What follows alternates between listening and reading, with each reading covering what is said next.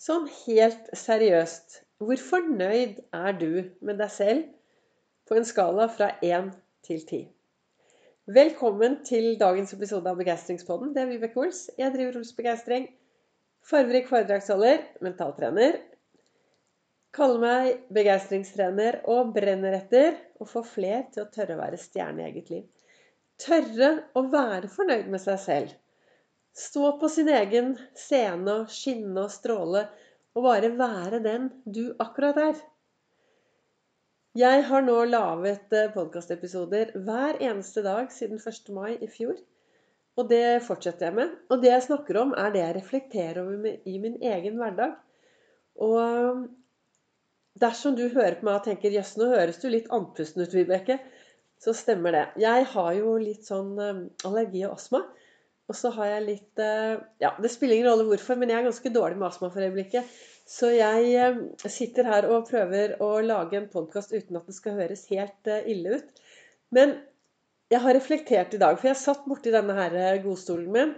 Og så sto det der, vet du, vær deg selv. De andre er allerede opptatt. De, alle, de andre er allerede tatt.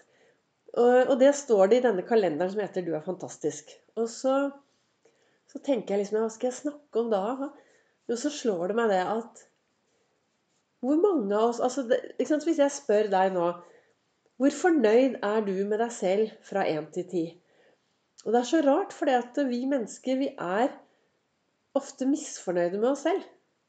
Og det er noe greit. Du må gjerne være misfornøyd med deg selv. Men da har du to muligheter.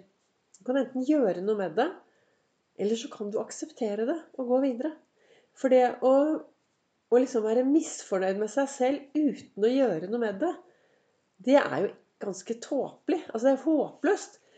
Nå sitter jeg her og lager denne podkasten. Jeg lager alle mine podkastepisoder ut ifra det som faller ned i hodet for meg. Og jeg tenker at jeg sitter og prater her med enten en som jeg kunne hatt en én-til-én-samtale med, eller en venninne, eller en venn, eller, eller, noen jeg kjenner. Så jeg sitter liksom og prater til deg, da. Og reflektere litt rundt hva jeg tenker om det som dukker opp til enhver tid når jeg sitter og reflekterer om morgenen. Og det når det står liksom 'vær deg selv', de andre er allerede tatt. Ja, da er det jo bare å gå ut i verden og være litt mer fornøyd med seg selv. Ja, men du skjønner det, Vibeke, at jeg har så mange Ja, jeg skjønner at du har sikkert mye av både det ene og det andre. Men du har jo et valg, da. Hvordan du skal forholde deg til det du har mye av på den ene siden eller den andre siden. For det er liksom det å bli venn med seg selv, da. Å bare være seg selv AS masse. Ta ansvar for egen, sitt eget liv, sin egen helse. Gjøre mer av det som får deg til å bli skikkelig glad. Det er ditt ansvar. I Norge bor det over fem millioner mennesker. Det bor over eh, fem millioner mennesker. Fem millioner historier, fem millioner sannheter. Det jeg snakker om, det er det jeg tror på. Og det er hvordan jeg lever livet mitt ut ifra Ols-metoden også, da. Min metode som ble til i reisen from zero to hero i eget liv. Jeg har en reise. Jeg har jo reist mye innover. Og så har jeg, jeg har vært så langt nede det går an å komme. Og så har jeg kravlet meg opp fordi jeg forsto at det var meg det kom an på. Det var først når jeg tok tak i mitt eget liv, at ting begynte å skje. Kunne ikke sitte der og tro at alle andre ikke sant? Klage og syte over alle andre at, at de var sånn og sånn. Nei, da måtte jeg, Det som var viktig da, var å endre mitt holdning til det som skjedde rundt meg. Og så begynne å jobbe med meg selv. Ta den indre reisen. Og det er derfor jeg sitter her nå. Og, og jeg brenner så etter å få flere til å tørre å bare være fornøyd med seg selv. Å være seg selv. Ikke, ikke, altså det er veldig bra å ha noen gode rollemodeller, men det å ha noen du skal etterligne og ja, Hvis jeg ser litt mer ut som henne, eller gjør litt mer som han, så blir jeg sikkert lykkelig. Nei. Pluss at jeg tenker jo at lykken er den reisen som skjer når du setter i gang å gjøre mer av det som du virkelig brenner for. Da får du lykkefølelse, da. Da kan du fort bli veldig glad. Det er det jeg tenker. Det er lørdag kveld. Eh, jeg sitter jo her da og reflekterer litt.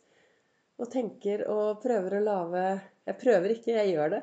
Satt meg ned, satte på høyttaleren og begynner å prate til deg for å få deg til å være Det er jo for å få deg til å være stjerne, egentlig. Hovedgrunnen til at jeg sitter her og prater, det er jo for å få flere til å være fornøyde. Det er så trist når jeg møter folk som ikke er fornøyde med at de er seg selv. Det er klart at mye av det vi kanskje er litt misfornøyde med, har med tidligere valg Og det er jo derfor det er så viktig å bli venn med alt. Jeg hadde jo med skjelettet her i en eller annen episode tidligere. Denne fortida mi. Og det er derfor det er så viktig å Jo mer Det som jeg tenker, da Som du hører, så sitter jeg her nå veldig uten noe Hva heter det sånn manuskript? Jeg sitter bare med denne lappen foran meg og tenker kan jeg, hvordan kan jeg få frem det jeg virkelig brenner for, da? Men det jeg tenker, er jo at når du klarer da, å være deg selv 100% så, Sånn som jeg ser det, så innebærer det å være seg selv og lytte til sitt indre. Det betyr også, for å klare å lytte til sitt indre og kjenne etter, kall det mavefølelse, intuisjon, hva som helst, så trenger du også å sitte mye i, i stillhet, i ro.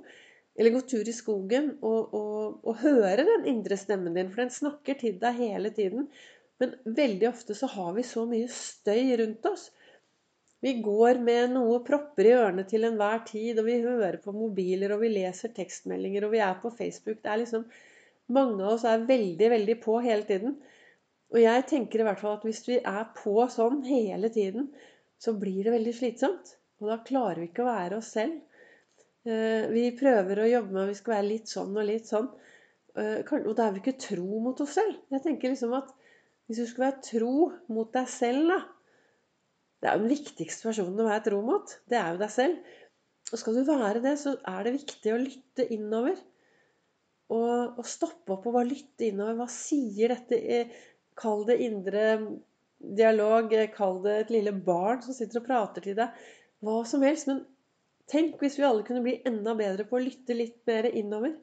Da blir det også enklere å lytte utover.